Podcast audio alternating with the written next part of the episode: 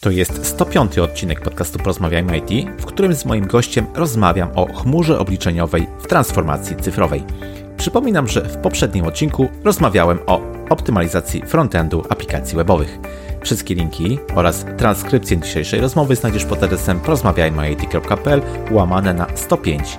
Ocena lub recenzja podcastu w Twojej aplikacji jest bardzo cenna, więc nie zapomnij poświęcić na to kilka minut. Ja się nazywam Krzysztof Kępiński, a moją misją jest poszerzanie horyzontów ludzi z branży IT. Środkiem do tego jest właśnie ten podcast. Zostając patronem na platformie Patronite, możesz mi w tym pomóc już dziś. Wejdź na porozmawiajmyit.pl łamane na wspieram i sprawdź szczegóły. Jednocześnie z tego miejsca bardzo dziękuję moim obecnym patronom. A teraz życzę Ci już miłego słuchania. Odpalamy. Cześć, mój dzisiejszy gość z wykształcenia jest inżynierem mikro i optoelektroniki, studiował elektronikę i techniki informacyjne na Politechnice Warszawskiej. Od 2008 roku jest związany z branżą IT. Zaczynał jako inżynier wsparcia sprzedaży serwerów na rynku SMB i Enterprise. Obecnie łączy funkcję lidera zespołu Hybrid IT Presales oraz y, jest architektem rozwiązań z zakresu pamięci masowych oraz rozwiązań backup. W roli Country Innovation Lead w Hewlett Packard Enterprise Polska poszukuje nowych, innowacyjnych rozwiązań związanych z trendami IT. Prywatnie mąż, ojciec dwóch córek oraz zapalony sportowiec amator. Mój dzisiejszy gość to Maciej Kalisiak. Cześć Maciej, miło mi gościcie w podcaście. Witam serdecznie, mi też jest niezwykle miło, witam wszystkich. Bardzo się cieszę na tę rozmowę, a porozmawiamy dzisiaj sobie o chmurze obliczeniowej, ale w takim ujęciu roli i znaczenia właśnie chmury obliczeniowej w transformacji e, cyfrowej. Ja zawsze rozpoczynam każdy podcast od takiego standardowego pytania e, dla mojego gościa pod tytułem e, czy e, słuchasz podcastów i jeśli tak, to może masz jakieś swoje ulubione, którymi mógłbyś się podzielić? Tak, zdarzyło mi się odsłuchać Twoje podcasty, więc wiedziałem, że dostanę to trudne pytanie. Odpowiedź brzmi, brzmi, i tak, i nie. Trochę przed pandemią, kiedy było więcej podróży, to zdarzało mi się tego rzeczywiście więcej słuchać. Bardziej audiobooków chyba z racji na długie podróże.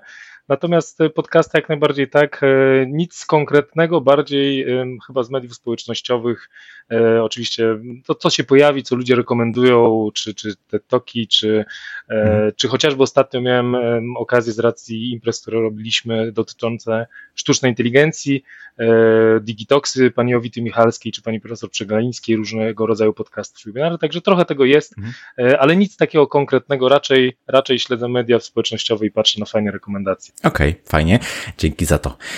Dobrze, chciałbym Cię e, zapytać trochę na fali takiej e, wznoszącej, jeśli chodzi o chmurę obliczeniową w ogóle, coraz częściej się o tym e, mówi. Wiadomo, że pandemia też jak gdyby niechcący się przyczyniła do, do rozwoju chmury obliczeniowej i wykorzystania dosyć, dosyć szeroko. Mamy też ostatnio takie głośne wiadomości, głośne planowane inwestycje gigantów chmury publicznej w Polsce. Wszystko to gdzieś napędza jak gdyby ten, ten, ten hype, rozgłos i to, że mówi się coraz więcej o chmurze e, obliczeniowej. I na bazie tego chciałbym Cię zapytać, jaka jest tak ogólnie e, rola, powiedzmy, chmury obliczeniowej w tej transformacji cyfrowej, o której też się bardzo dużo teraz mówi i czy w Twojej opinii transformacja czy cyfrowa bez chmury jest w ogóle możliwa w dzisiejszych czasach? No, pytanie bardzo dobre, tylko chyba na początku trzeba by sobie ustalić, czym jest tak naprawdę chmura, bo bardzo mhm. często mam wrażenie, że to jest gdzieś tak trochę spłaszczane do do właśnie chociażby chmury publicznej, czyli dostawców, dostawców e, chmury publicznej.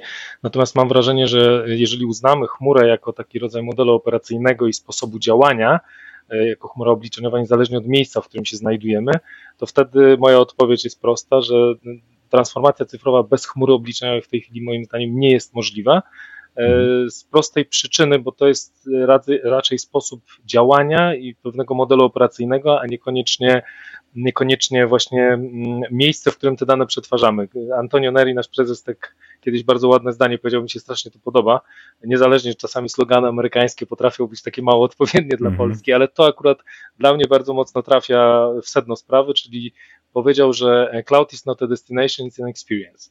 I w mhm. tym momencie to jest właśnie sposób wprowadzenia tego IT, sposób połączenia z biznesem, E, raczej niż, niż miejsce i w tym momencie jakby transformacja cyfrowa bez tej elastyczności, czyli tego, co daje taka chmura publiczna, tak naprawdę to, co było takim wabikiem do chmury publicznej, czyli elastyczność, czyli skalowalność, czyli prostota jakby wejścia, rozwoju, zmiany zupełnie modelu operacyjnego, co często jest dosyć trudne w takiej historycznie organizacji, która ma dużo swoich, swoich rzeczy w tym momencie ten, ten rodzaj właśnie sposobu działania dla transformacji jest niezwykle istotny.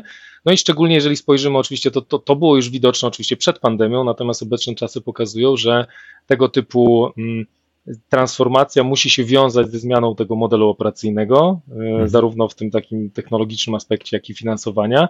E, I to, to daje nam to zachowanie ciągłości biznesowej, czyli ten cloud-like experience, ładnie, ładnie z angielskiego powiedziane, to jest to, co powoduje, że my jesteśmy w stanie łatwo połączyć tak naprawdę tą technologię, której jest masa na rynku, mhm. z wymogami biznesu i właściwie z tym, bo bardzo często biznes teraz jakby mm, wymusza pewne, pewne zmiany i dzięki temu IT, dzięki chmurze jest w stanie właśnie odpowiadać na te potrzeby biznesowe, tak, z mojej perspektywy. Mhm. A czy ciągle myślisz, że to jest obowiązkowe, jak gdyby, wiesz, czy to jest takie trochę zadanie dla chętnych jeszcze, nie? Czy, czy jak gdyby możemy mówić o transformacji cyfrowej w takiej średniej wielkości firmie, nie myśląc albo nie biorąc pod uwagę e, rozwiązań e, chmurowych, czy, czy już tam jesteśmy, czy też jak gdyby ciągle może być to tylko jeden z wariantów, jak to w IT bywa, jedna, jedno z możliwych rozwiązań danego e, problemu, a niekoniecznie takie najbardziej zawsze oczywiste.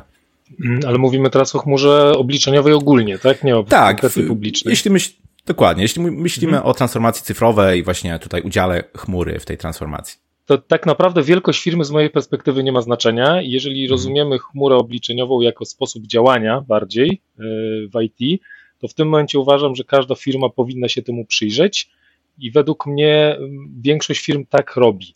Tylko oczywiście w jaki sposób y, ostatecznie jest to realizowane, czy to jest chmura publiczna, czy, czy multi-cloud, czy hybrydowa, czy jakkolwiek inaczej, czy nawet w rozumieniu takiego private cloudu, czyli automatyzacji pewnych procesów wewnątrz firmy małej. Myślę, że wszyscy, wszyscy się temu przyglądają. Ja przynajmniej z mojego doświadczenia mogę powiedzieć, tak jak na początku mnie przedstawiałeś, trochę, no, no może są osoby, które większe mają doświadczenie na pewno, no ale od mhm. tych 13 lat, właśnie w lutym, w połowie lutego mi stuka 13 lat dokładnie w HP i HPE, tak z rozmów z klientami do, dobrze widać, że jednak w tej chwili nacisk jest na te zmiany i przede wszystkim widać większą presję biznesu.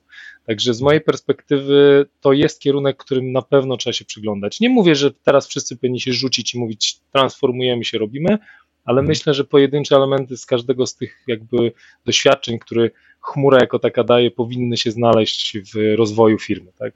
Chmura obliczeniowa jest oczywiście jakimś trendem w IT, nie tylko w IT, bo obecnie to można powiedzieć, że, że tak powiedziałeś, e, biznesy też są tutaj mocno świadome istnienia w ogóle e, takiego, e, takiego zjawiska, ale mam wrażenie, że jest to też taki trochę buzzword, w sensie wiele osób używa takiego zwrotu jak chmura czy chmura obliczeniowa myśląc o różnych, różnych e, zjawiskach, różnych produktach, różnych, różnych e, usługach.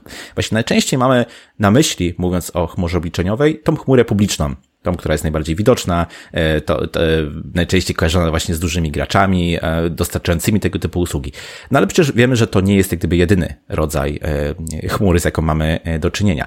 Mm, czy w transformacjach cyfrowych, o których sobie tutaj dzisiaj rozmawiamy, które powiedzmy też są udziałem polskich firm, którym, którym pomagasz, jak gdyby tak, jak gdyby tutaj mm, używając swojego doświadczenia i swojej wiedzy, to właśnie ten rodzaj chmury, czy chmura publiczna przoduje obecnie? Chyba nie do końca. Y, mhm. Trzeba przyznać, żeby nie demonizować chmury publicznej. Absolutnie, jestem daleki od tego, bo myślę, że dzięki temu, że tego typu zjawisko się w ogóle pojawiło, nastąpił nastąpiły duże zmiany w IT jako takim.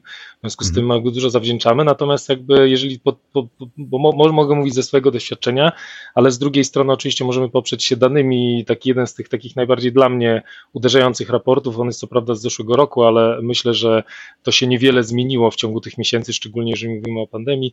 E, według IDC 70% e, aplikacji danych klientów e, ciągle pozostaje poza chmurą publiczną. Czyli jest tak, mhm. tak, że ja sam doskonale pamiętam dobrych chyba 6 albo 7 lat temu, już nie pamiętam, bo trochę tego czasu minęło. Pamiętam, że każda z, każdy z moich klientów nagle zaczął się rzucać. Chmura publiczna, y, sprawdzamy. tak? I potem, no, może chmura publiczna to nie ma gdzie, bo to daleko, ale to w takim razie prywatna, robimy. Potem się mhm. okazało, że nic z tego absolutnie nie wyszło. I, i to, to, to badanie jakby pokazuje trochę, że rzeczywiście tak jest, że chmura publiczna jest, znaczy ci gracze są ważnymi graczami na rynku, oczywiście, natomiast nie wszyscy mogą sobie na to pozwolić z prostej przyczyny, bo nie wszystko po prostu do tej chmury publicznej się nadaje. Dlatego ja jakby to pierwsze pytanie zacząłem od odpowiedzi, co to jest chmura tak naprawdę, bo, bo to jest dosyć istotne. Już nawet nie mówię o definicjach konkretnych, tylko mówię tak, jak sam zresztą to powiedziałeś, prawda, że to jest rozumiane w bardzo różny sposób. Mhm. I z mojej, z mojej perspektywy to to dobrze oddaje właśnie ten trend, że bardzo dużo firm jednak po przyjrzeniu się dokładnie, co mogą zrobić, nie zdecydowała się na to pełne przejście, pełne przejście do chmury. E, natomiast oczywiście są też takie, które przeszły całkowicie, także jest to duży gracz oczywiście, e, jest to duży udział polskich firm, natomiast myślę, że przychodzimy do takiego momentu, w którym klienci zaczynają podchodzić do tego z głową, przedsiębiorcy mhm. podchodzą z głową, czyli może nie rzucajmy się teraz na to, tylko zastanówmy się, co jest dla nas na koniec dnia dobre. E, nie wiem, takim najprostszym przykładem pandemia i praca zdalna. Niektóre firmy były absolutnie gotowe na to, żeby wejść z marszu, tak jak moja firma. Ja właściwie, no, zmieniło mi się to, że nie siedzę w biurze, ale do wszystkiego byłem gotowy, miałem dostępy, ale z drugiej strony firmy nie miały, w związku z tym pytanie, prościej jest budować, czy w szybki sposób w chmurze uruchomić, e, nie wiem, dostępy jakieś, czy, czy środowiska do pracy, tak? Więc jakby, tak jak mówię, jest graczem dużym, ale mimo wszystko uważam, że ta transformacja cyfrowa opiera się jednak w dużym stopniu o takie podejście z głową, balansem pomiędzy tym, co jest on-premise, co jest y, w chmurze mhm. publicznej i co ważne, bo o tym się często zapomina, na brzegu sieci, bo to jest też element, który pokazuje, że dużo firm działa tym miejscu, w którym, w którym do, zwykle się o tym nie myśli, tak? A jednak te mhm. dane generowane są głównie na brzegu sieci, jak pokazują też raporty różnorakie. No i chociażby to, co teraz my robimy, czyli nagrywamy podcast siedząc bardzo daleko od siebie, no tutaj pokazuje, że te dane są też istotne. Tak, tak, jak, jak najbardziej. No właśnie, ta świadomość jest tutaj, myślę, myślę kluczowa. Cieszę się, że y, mówisz i potwierdzasz to, że ta świadomość też wśród y, polskich firm rośnie. Jak można wykorzystać y, chmurę i że to nie zawsze są takie proste i dla wszystkich e, powtarzalne przepisy. No ja też jak sobie tak obserwuję już parę lat ten, ten rynek, e, na przykład infrastruktury IT, to widzę, że tak trochę skaczemy pomiędzy różnymi ekstremami, no bo kiedyś jak gdyby całość tego modelu infrastruktury opierała się na, na rozwiązaniach e, on-premises, czyli mieliśmy fizyczne serwery, tak, gdzieś tam umieszczone w oddziałach, w, piwnicy, w firmie, one sobie tam, tam działały. Później było to zachłyśnięcie tą chmurą publiczną, o, o której też trochę powiedziałeś właśnie, nie? Zrzuciliśmy się nagle na przeniesienie wszystkich wszystkiego, co mamy e, do chmury, tak? Tak po prostu jeden do jednego i doskonale wiemy, czym to się niestety najczęściej kończy. Najczęściej kończy się to e, nie najlepiej, bo specyfika jednak chmury jest nieco inna niż takie rozwiązania e, stojące, stojące mm, fizycznie w firmie. I o ile jak gdyby to są dwa takie trochę skrajne podejścia, o tyle nie wyczerpuje to oczywiście tematu, no bo mamy coś takiego jak chmura hybrydowa, chociażby wiele rozwiązań pośrednich. Y, czy mógłbyś powiedzieć właśnie, y, czym jest chociażby ta chmura hybrydowa i czy, czy, czy chmura publiczna to zawsze musi być najlepsze, najlepsze rozwiązanie? E, no, no właśnie, to, to trochę o tym odpowiedziałem na to w poprzednim pytaniu, y, ale tutaj jakby temat można, można rozwinąć wszystko, odpowiedź jest prosta, to zależy. Czyli za, zawsze, zawsze jest tak, że y, chmura publiczna daje ogromne możliwości i tak naprawdę z mojej trochę perspektywy chmura publiczna spowodowała, tak jak już wspomniałem o tym, że działa IT on-premise też zaczęły się zastanawiać w jaki sposób inaczej, inaczej działać. Natomiast y, tak jak pokazują raporty, te badania, o których mówiłem, czy IDC, czy, czy można zerknąć sobie na Gartnera, czy nawet nasze wewnętrzne badanie HP 2019 as a Service Driving Change Report, gdzie żeśmy ankietowali e, dużą grupę mm, e, CIO, no pokazuje, że jednak ten model hybrydowy jest taki bardziej w tej chwili atrakcyjny, w takim rozumieniu, że mhm no właśnie, wspomniałeś o tym przejściu takim na chmurę publiczną. To my mamy też wewnętrznie taką usługę, która się nazywa Right Mix Advisor, która jest takim z analizą środowiska klienta. Taką prostą, startową to, to, to jest coś, co ma pokazać klientowi, czy pewne aplikacje mogą do chmury zmigrować, czy się nadają, czy nie, czy powinny zostać on-premise, e, gdzie są zlokalizowane dane, tego typu rzeczy. I tam jest po, mhm. potem taka, taki raport, który pokazuje na przykład to, to proszę bardzo od razu wrzucać do chmury, to, to nigdy w życiu, a to na przykład to trzeba zupełnie przepisać. E, mhm. I właśnie trochę tam z ciekawości patrzyłem statystyki, wynik tego typu, e, tego typu assessmentu i on się zawsze kończył tym, że klient nie do końca był świadomy tego, co, co, co ma. W tym sensie, że może inaczej, byli tacy oczywiście, byli bardzo świadomi, natomiast część było takim, no, no rzeczywiście, no to może nie. I dlatego też myślę, że e, chmura publiczna nie zawsze będzie najlepszym rozwiązaniem e, i myślę, że połączenie e, tych kilku aspektów jest bardzo istotne. A dlaczego jeszcze to jest jedna rzecz, która jest niezwykle istotna z mojego punktu widzenia, bo my o tej hybrydowości IT mówimy jako HP od 2017 roku bodajże, chyba nawet jako, y, co ciekawostka, jako pierwsi, żeśmy takie pojęcie wprowadzili w ogóle na rynek. E, dalej oczywiście to rozwijamy w postaci dołożenia mm, takiej w postaci, w postaci usługowej, czyli tego modelu operacyjnego, finansowego, nie tylko technologii hybrydowej. Natomiast niezwykle istotne jest, że jakby rynek pokazał, że to jest o tyle prawdziwe, dlatego że w międzyczasie doszły jeszcze rozwiązania brzegu sieci, sieci i nagle okazuje się, że mm, sama chmura publiczna jeszcze musi się i tak czy inaczej z czymś łączyć. I teraz nagle okazuje się, że hybrydowość jest naturalna. E, dlatego ta chmura hybrydowa jakby pokazuje, że mm, jest w tej chwili, może być alternatywą dla chmury publicznej e, i nawet może alternatywa to powiedziałem chyba złe słowo, to jest uzupełnienie chmury publicznej, dlatego że tak jak mhm. wspomniałem, ja uważam, że dużo rzeczy w chmurze publicznej ma prawo i nawet powinno się znaleźć, bo po prostu jest bardziej optymalne kosztowo i jeśli chodzi o zarządzanie, ale z drugiej strony pewne rzeczy tam prawdopodobnie nigdy nie trafią, bo możemy mówić o finansowych aspektach jakichś, o mhm. względach bezpieczeństwa, compliance, tego można wymieniać mnóstwo tego typu, tego typu aspektów. Natomiast oczywiście na sam koniec, y, według mnie, zależnie od tego, o jakich chmurze mówimy, liczy się ten efekt, czyli w przypadku mhm. transformacji cyfrowej ma to być po prostu coś, co spowoduje, że y, będziemy jakby łatwiej odpowiadać na te, te biznesowe y, potrzeby naszej organizacji, będziemy w stanie wyciągać lepsze wnioski. No i tutaj myślę, myślę, że Chmura publiczna nie zawsze jest najlepszym rozwiązaniem, tak? Natomiast nie jest też złym rozwiązaniem, absolutnie. Tak samo nie zawsze najlepszym rozwiązaniem jest oczywiście posiadanie wszystkiego on-premise.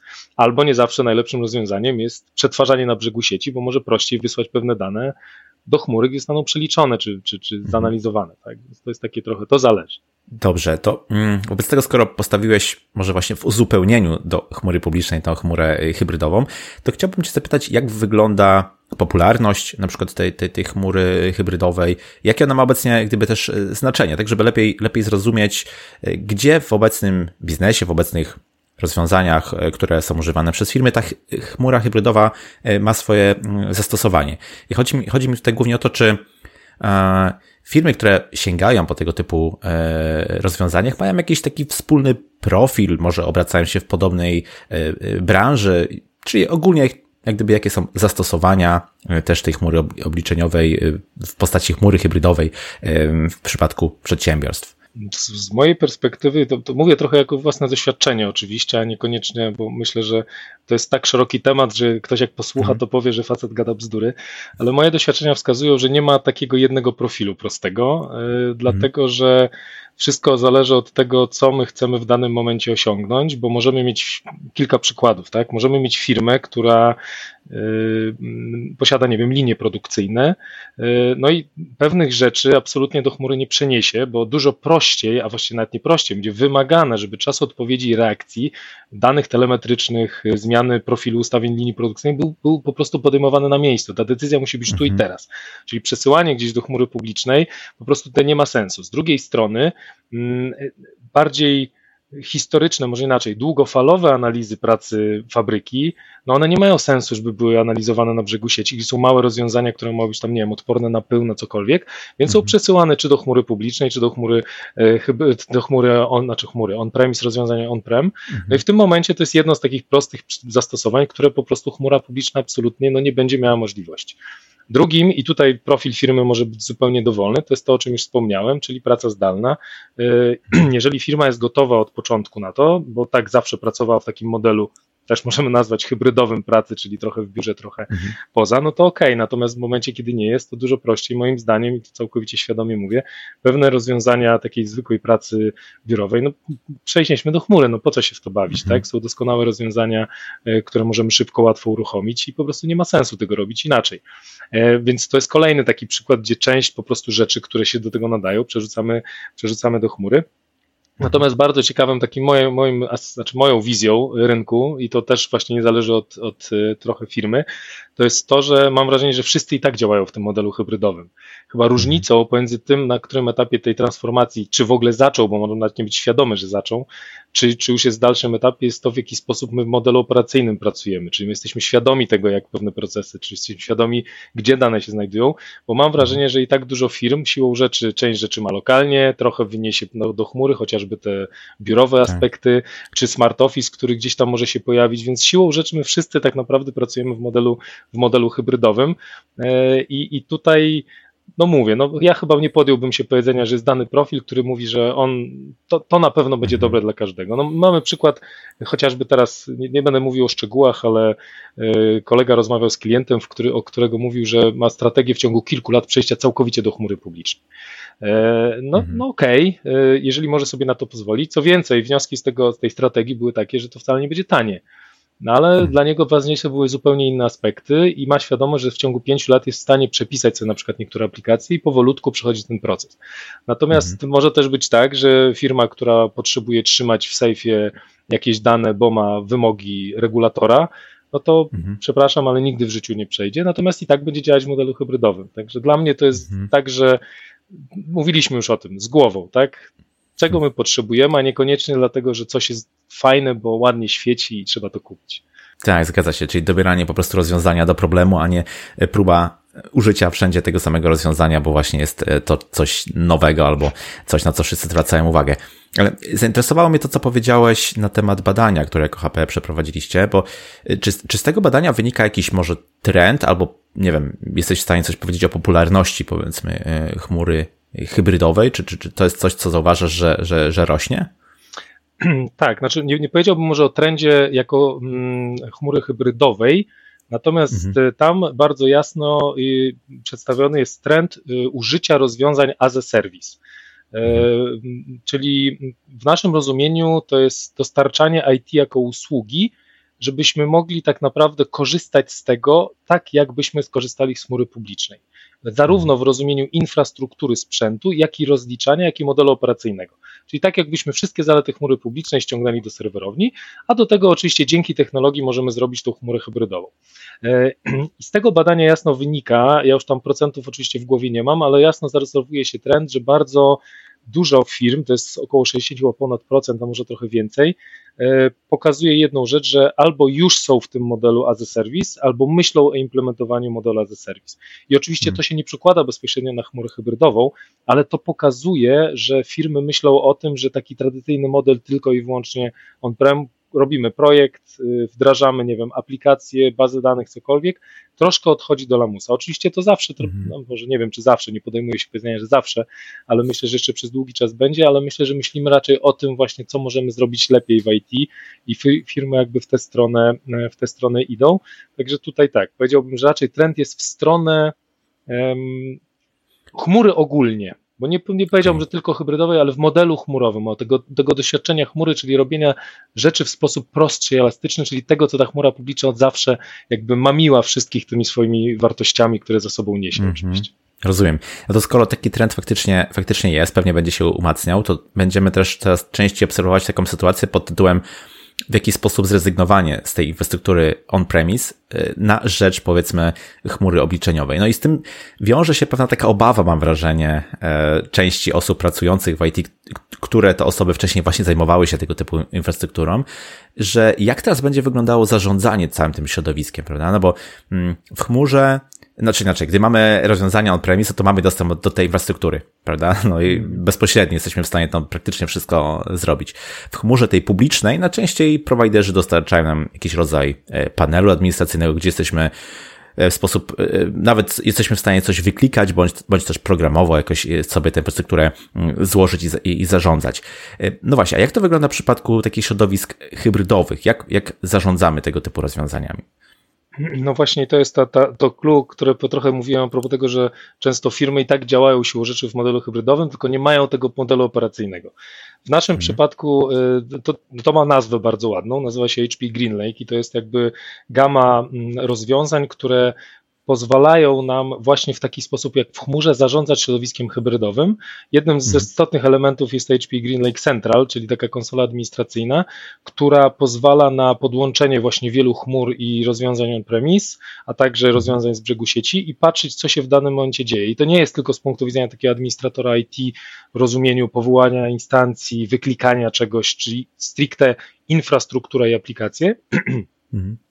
ale także z punktu widzenia po pierwsze regulacji polityk wdrożonych, czyli takiego bezpieczeństwa i zawsze e, to słowo, ale to po angielsku najlepiej brzmi compliance, czyli z tego powodu mhm. mamy wgląd w to, czy wszystko jest zgodne z politykami, mhm. ma wgląd w to kontroler finansowy, czyli my widzimy koszty i co więcej, to, co jest wartością dodaną właśnie HP Greenlake, my widzimy koszty także chmury publicznej. Koszty mhm. lokalne, jeżeli podpisujemy umowę w modelu usługowym, widzimy za co płacimy on-premise, z drugiej strony widzimy, co płacimy w chmury publicznej. Mając takie zestawienie w prosty sposób decydujemy określamy sobie, e, w którą stronę iść, czy warto to trzymać w chmurze, czy nie. E, I dlatego środowiska hybrydowe wręcz mogą dać, oprócz tego, że podobnie mogą być zarządzane jak chmura publiczna, tak jak powiedziałeś o tych panelach i wyklikiwaniu, a z drugiej strony dają nam szerszy widok. To rozwiązanie, o którym powiedziałeś, HP e, GreenLake, czy tak sobie myślę, że to może być takie rozwiązanie, które trochę ułatwia, upraszcza, jak gdyby to, to przejście e, właśnie pomiędzy tradycyjnymi rozwiązaniami, a takimi, takimi rozwiązaniami e, hybrydowymi, no bo to jest jak gdyby taki trochę brakujący element. Często tutaj zastanawiamy się, jak zarządzać czymś, co jest właśnie hybrydowe. Trochę tu, trochę tu, trochę te usługi są e, rozproszone, więc czy, czy uważasz, że rozwiązanie właśnie to, o którym rozmawiamy, czyli, czyli Green, HP, Green Lake, czy to jest coś, co można traktować jako, nie wiem, jakieś uproszczenie, ułatwienie transformacji e, cyfrowej, coś, z czego mogłyby firmy skorzystać, jeśli myślą o takiej e, transformacji, ale nie do końca wiedzą, jak tym wszystkim zarządzać później na końcu? No, jak najbardziej, dlatego że tak jak wspomniałem, to rozwiązanie to jest jakby szereg rozwiązań, które są w środku. I z jednej strony mhm. oczywiście pod spodem jest klasyczna infrastruktura, rozwiązania oprogramowania i tak dalej, i tak dalej, czyli to, co i tak gdzieś tam zawsze się znajduje, ale z drugiej strony to wartością dodaną jest ten model operacyjny, bo z jednej strony są to usługi, którymi możemy wspomóc klienta taki sposób, żeby on naprawdę poczuł się jak w chmurze publicznej, mimo że będzie działał lokalnie i hybrydowo, a z drugiej strony, tak jak, tak jak e, było wspomniane już o tym portalu HP GreenLake Central, jest to y, sposób zarządzania, który właśnie tu łatwi. To jest a propos ułatwienia przejścia pomiędzy tymi modelami, dlatego że do tej pory, jeżeli mamy hybrydę i nie mamy tego typu rozwiązania jak GreenLake, no to głównie, głównie jest tak, że no dobrym przykładem jest, są kontenery, bo to też jest tak, że w którymś momencie, tak jak chmura publiczna, pojawiła się konteneryzacja. Rzucamy się, lecimy, super pięknie i ekstra.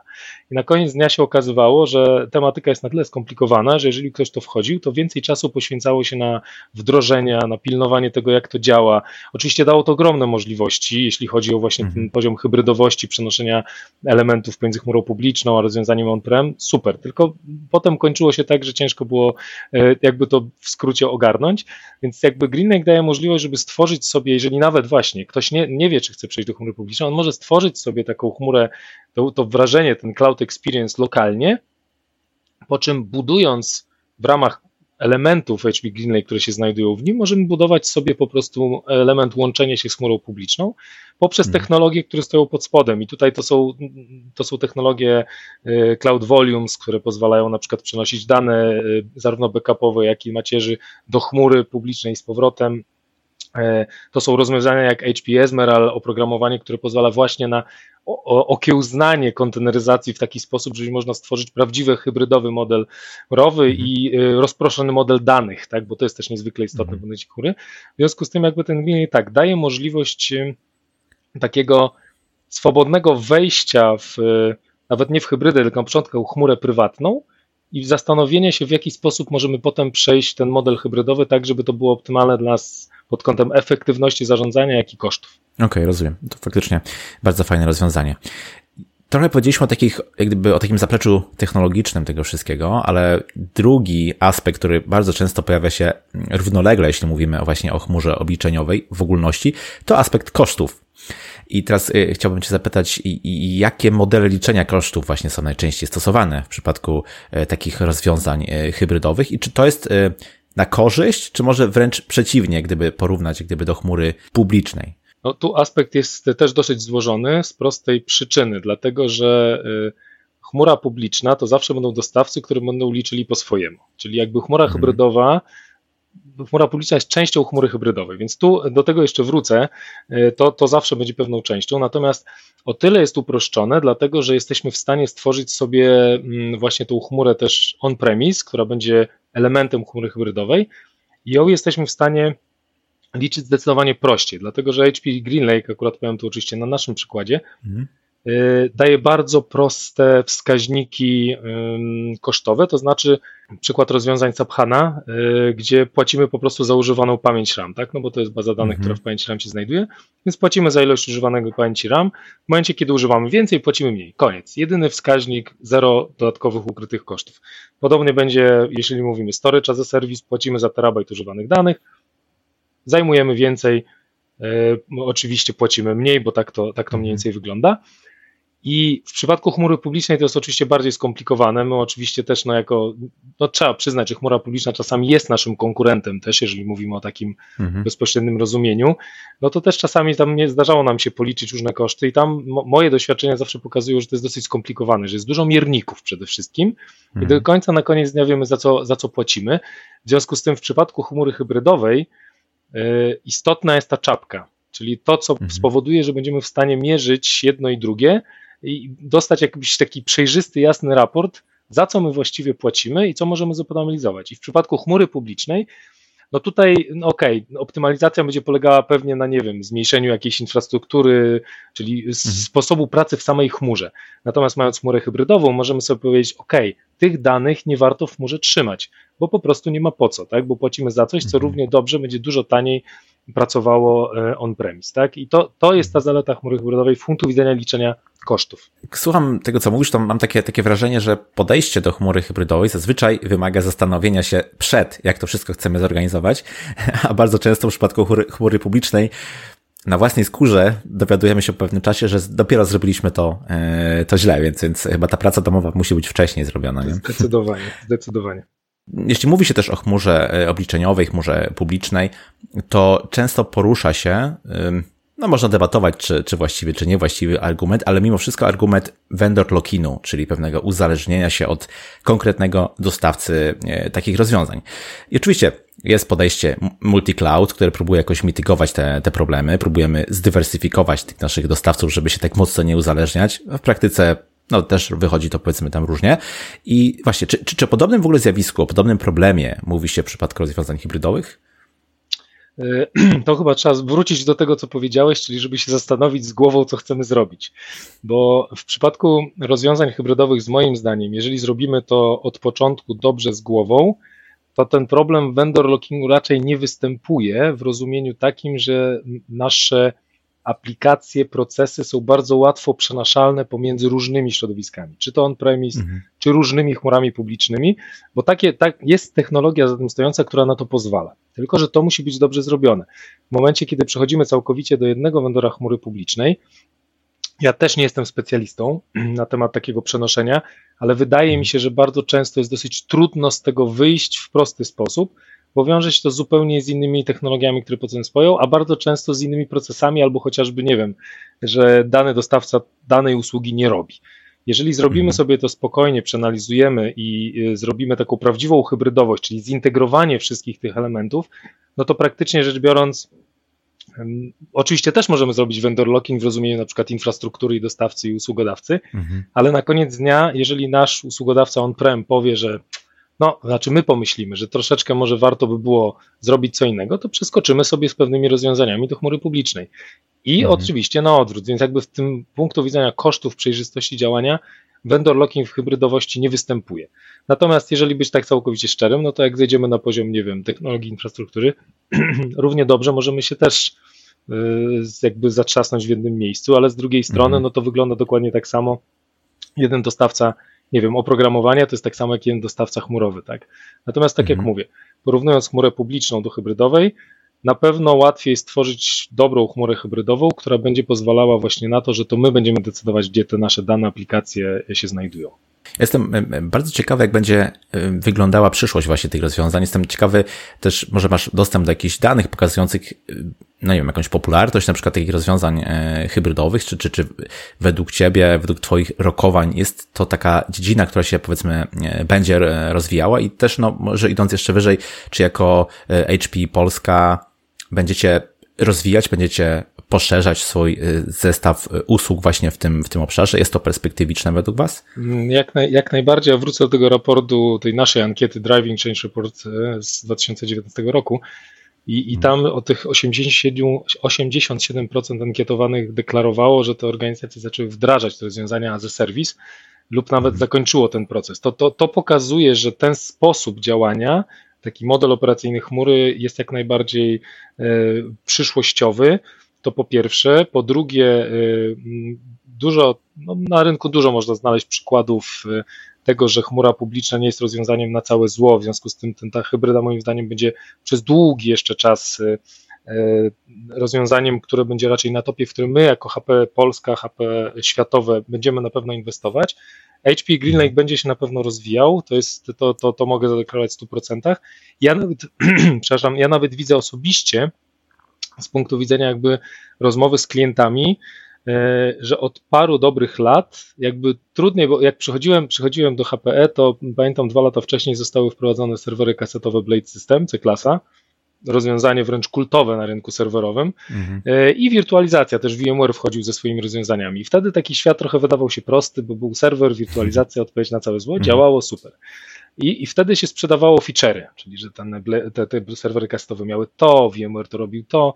E, mhm. Natomiast teraz czasem rozwiązanie na temat pudełek, tak kolokwialnie mówiąc, jest coraz trudniejsze, dlatego że z klientem rozmawia się na temat tego, co on chce osiągnąć na koniec mhm. dnia, jakie rozwiązanie potrzebuje. W związku z tym, jakby nawet tego typu proste rozmowy w Polsce z klientami pokazują, że jakby ten model hybrydowy i rozmowa na temat tego, co chcemy osiągnąć, jest bardziej istotna niż, niż rozmowa o, o takich prostych rzeczach e, technologicznych, tak, tak to nazwijmy. Mhm.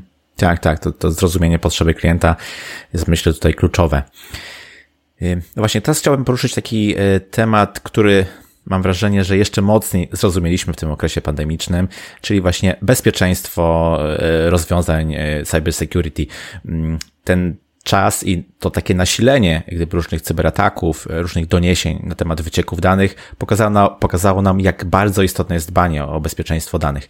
Jestem ciekaw, jak wygląda to właśnie w przypadku rozwiązań e, chmurowych i, i no przede wszystkim, kto w takim modelu e, odpowiada za bezpieczeństwo e, danych? W takim modelu chmury publicznej no jest to w miarę jakoś tam określona, podzielona odpowiedzialność. Jestem ciekaw, czy w przypadku chmury hybrydowej czymś się to różni. No, różni się na pewno i te, te, tego pytania najbardziej się bałem o bezpieczeństwo, dlatego że ja absolutnie ekspertem nie jestem i nie chciałbym palnąć czegoś, co potem zostanie uznane, że człowiek się zupełnie nie zna, ale moje przemyślenia trochę są, trochę są takie, że y, oczywiście jest to temat bardzo trudny, dlatego że mhm. mamy dużo różnych środowisk i na, nie na wszystko mamy wpływ, bo z jednej strony mamy chmurę publiczną, której to tak naprawdę za bezpieczeństwo nie odpowiadamy my, tylko dostawca.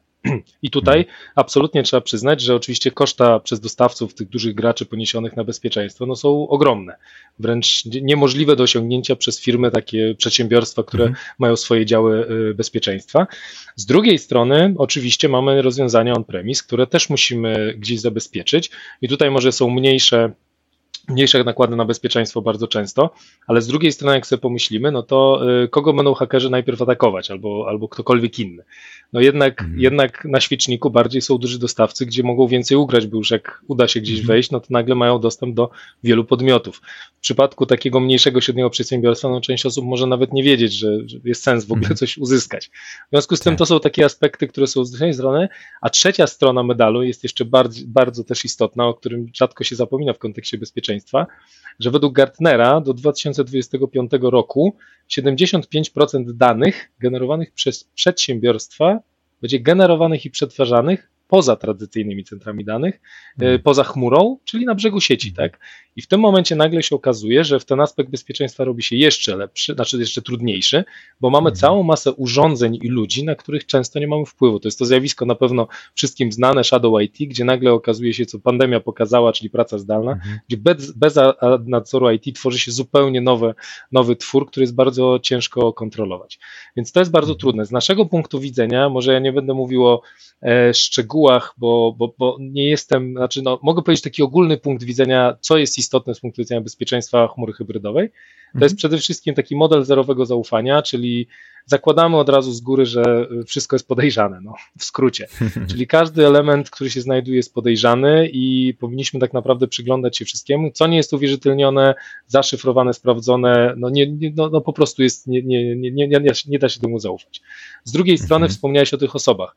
O ile y, pewnie będą to różne osoby odpowiedzialne za ten, to warto jest wiedzieć, kto bo w momencie, kiedy cokolwiek nastąpi, to warto wiedzieć, do kogo się zwrócić, czy to będzie chmura publiczna, czy lokalna, co się wydarzyło i jak najszybciej temu zapobiec, bo myślę, że tak pokazują chociażby, mm, no chyba można powiedzieć, ale ostatnie dni atak na CD Projekt Red pokazuje, że właściwie każdy jest w tej chwili zagrożony, niezależnie od tego. I najważniejsze jest to, ile pewnie się wydarzy w którymś momencie, tylko pytanie, jak na to zareagujemy, dlatego ten podmiot odpowiedzialny, podział kompetencji jest niezwykle tutaj istotny. No i jedna rzecz, na którą mamy jako organizacja, jako przedsiębiorstwo też duży wpływ, to jest rodzaj danych. Czyli, Mhm. bo, no bo głównie to jednak atak jest zwykle, no pomijam, że można tam yy, te dane ukraść, zaszyfrować, okup, różne są aspekty takich ataków. Natomiast my możemy zdecydować, jakie dane gdzie zostaną przerzucone. Czyli na przykład wrażliwe dane, których nie chcemy, no to w chmurze może czasami nie warto, tak? Bo atak nie na naszą firmę spowoduje, że wyciągną nasze dane całkowicie przypadkiem. Z drugiej strony, jeżeli nie mamy dobrego działu IT, no to może lokalnie też trzeba uważać z tym trzymaniem, chociaż z drugiej strony lokalnie zawsze możemy odseparować to od sieci zewnętrznej, prawda? Także, także to są te trzy aspekty takie, które wydają się w chmurze hybrydowej są niezwykle istotne. Natomiast tak, potwierdzam, to jest duże wyzwanie. No tak, nie, nie da się ukryć. Wrócę jeszcze raz do tej transformacji cyfrowej, e, którą tutaj próbujemy z różnych kątów prześwietlać. I no, mówimy jak gdyby dużo o rozwiązaniach IT, rozwiązaniach informatycznych, ale no, oczywistym jest, że ta transformacja cyfrowa to nie jest tylko zadanie dla e, działów IT.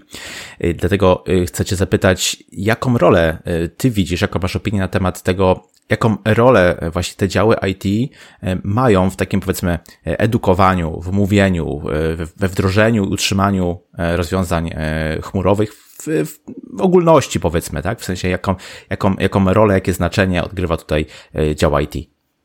Właśnie ciekawy, ciekawy aspekt jest taki, że mam wrażenie na samym początku, jak w ogóle hasło pojawiło się na rynku transformacji cyfrowej, to, to mam wrażenie, że głównie to właśnie biznes wymuszał te zmiany mhm. i osoby zupełnie niezwiązane z IT. Teraz trochę mam wrażenie, że działa IT też się zmieniły i w tym momencie to jest tak, że bez działu IT transformacja cyfrowa jest absolutnie nie, niemożliwa, dlatego uważam, że to jest, ta rola IT jest niezwykle strategiczna. Z prostej przyczyny, bo o ile rzeczywiście to biznes może mieć wiedzę, w jaki sposób firma powinna się zmienić, żeby lepiej reagować na rynek, żeby więcej zarabiać, żeby optymalizować swoje działanie, no ale oni mogą dać pewne procesy, pewne mm, rzeczy, które chcą zmienić, ale to IT zna technologię i wie, w jaki sposób to zrobić. I teraz właśnie tutaj znowu pojawia się ten aspekt, o którym żeśmy trochę mówi, mówili, czyli jeżeli biznes wymusi, IT się rzuci na to na głęboką wodę, na przykład przejdźmy do chmury, to może skończyć to się po prostu bardzo źle. Dlatego to IT ma tą strategiczną rolę doradcy. Tu się zmienia bardzo mocno z punktu widzenia takiego trochę klasycznego administratora systemów, administratora mhm. infrastruktury w stronę takiego architekta, takiego strategicznego myślenia i analizy tego, co my możemy zrobić, co jest warte i co ma sens. Dlatego też właśnie w tym kontekście bardzo ważna jest ta chmura hybrydowa, bo taki architekt zwykle będzie się zastanawiał, czy pewne rzeczy w ogóle możliwe są do totalnej migracji do chmury publicznej albo zostawienia mhm. tylko i wyłącznie on-premise. Więc myślę, że IT musi brać na, na swoje barki ten ciężar i to ono też, myślę, edukuje w jakiś sposób tą świadomość tej zmiany, tak? Bo, bo, to się trochę zmieniło. Tak jak mówię, moim zdaniem ta transformacja wychodziła od biznesu, a teraz w tej chwili myślę, że działa IT doskonale rozumieją, że to oni tak naprawdę się mus, muszą zmienić i zmieniają oczywiście, przynajmniej z mojego doświadczenia i co więcej mhm. zmieniają kompetencje, bo nagle okazuje się, że może z takiego administratora systemów yy, czy infrastruktury nagle człowiek staje się tak naprawdę takim strategiem, który mówi, że co mhm. można zrobić, a co nie, albo co więcej, nagle musi przejąć infrastrukturę, która jest w chmurze publicznej, bo to jest mhm. bardzo ważny aspekt. Chmura publiczna nie zarządza się sama. To jest bardzo często taki fakt, który, który mam wrażenie jest pomijany. Tym musimy zarządzać dokładnie tak samo jak on-premise. I to, to nie jest tak, że tam wszystko mhm. będzie się robiło samo.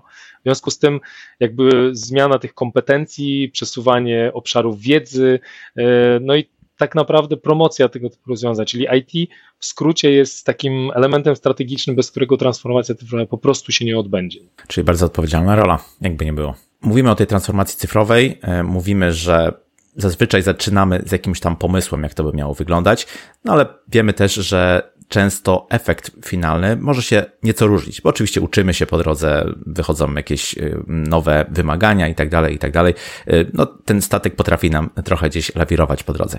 Mm, w związku z tym mam do Ciebie pytanie, y, jak określać w ogóle efektywność tych przemian cyfrowych? Jak być w stanie stwierdzić, że mm, ten kurs, który obraliśmy, związany z transformacją cyfrową i chmurą, że podążyliśmy tym kursem, że dotarliśmy do tego miejsca, w którym chcieliśmy być i na jakie aspekty aspekty może po drodze też warto zwracać uwagę?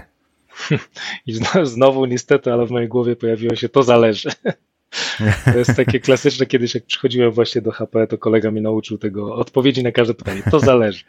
Ale to jest trochę, trochę jest w tym racji, dlatego że myślę, że większość firm, y, jakby miało się zebrać, nie wiem, wszyscy CIO na świecie, to chyba nigdy w życiu nie dojdą do wspólnego, wspólnego mm. konsensusu, co jest tak naprawdę miernikiem efektywności transformacji no tak. cyfrowej. To jest tak, jak to, o tym statku powiedziałeś, tak on lawiruje i to na dobrą sprawę to pytanie, gdzie my chcemy dopłynąć. Jedni będą chcieli w jedno miejsce, inni w inne i droga do tego celu też może być różna. Dla mnie, y, dla mnie takim chyba najbardziej istotnym elementem to, jest, to są dwie rzeczy. To jest przejrzystość przede wszystkim.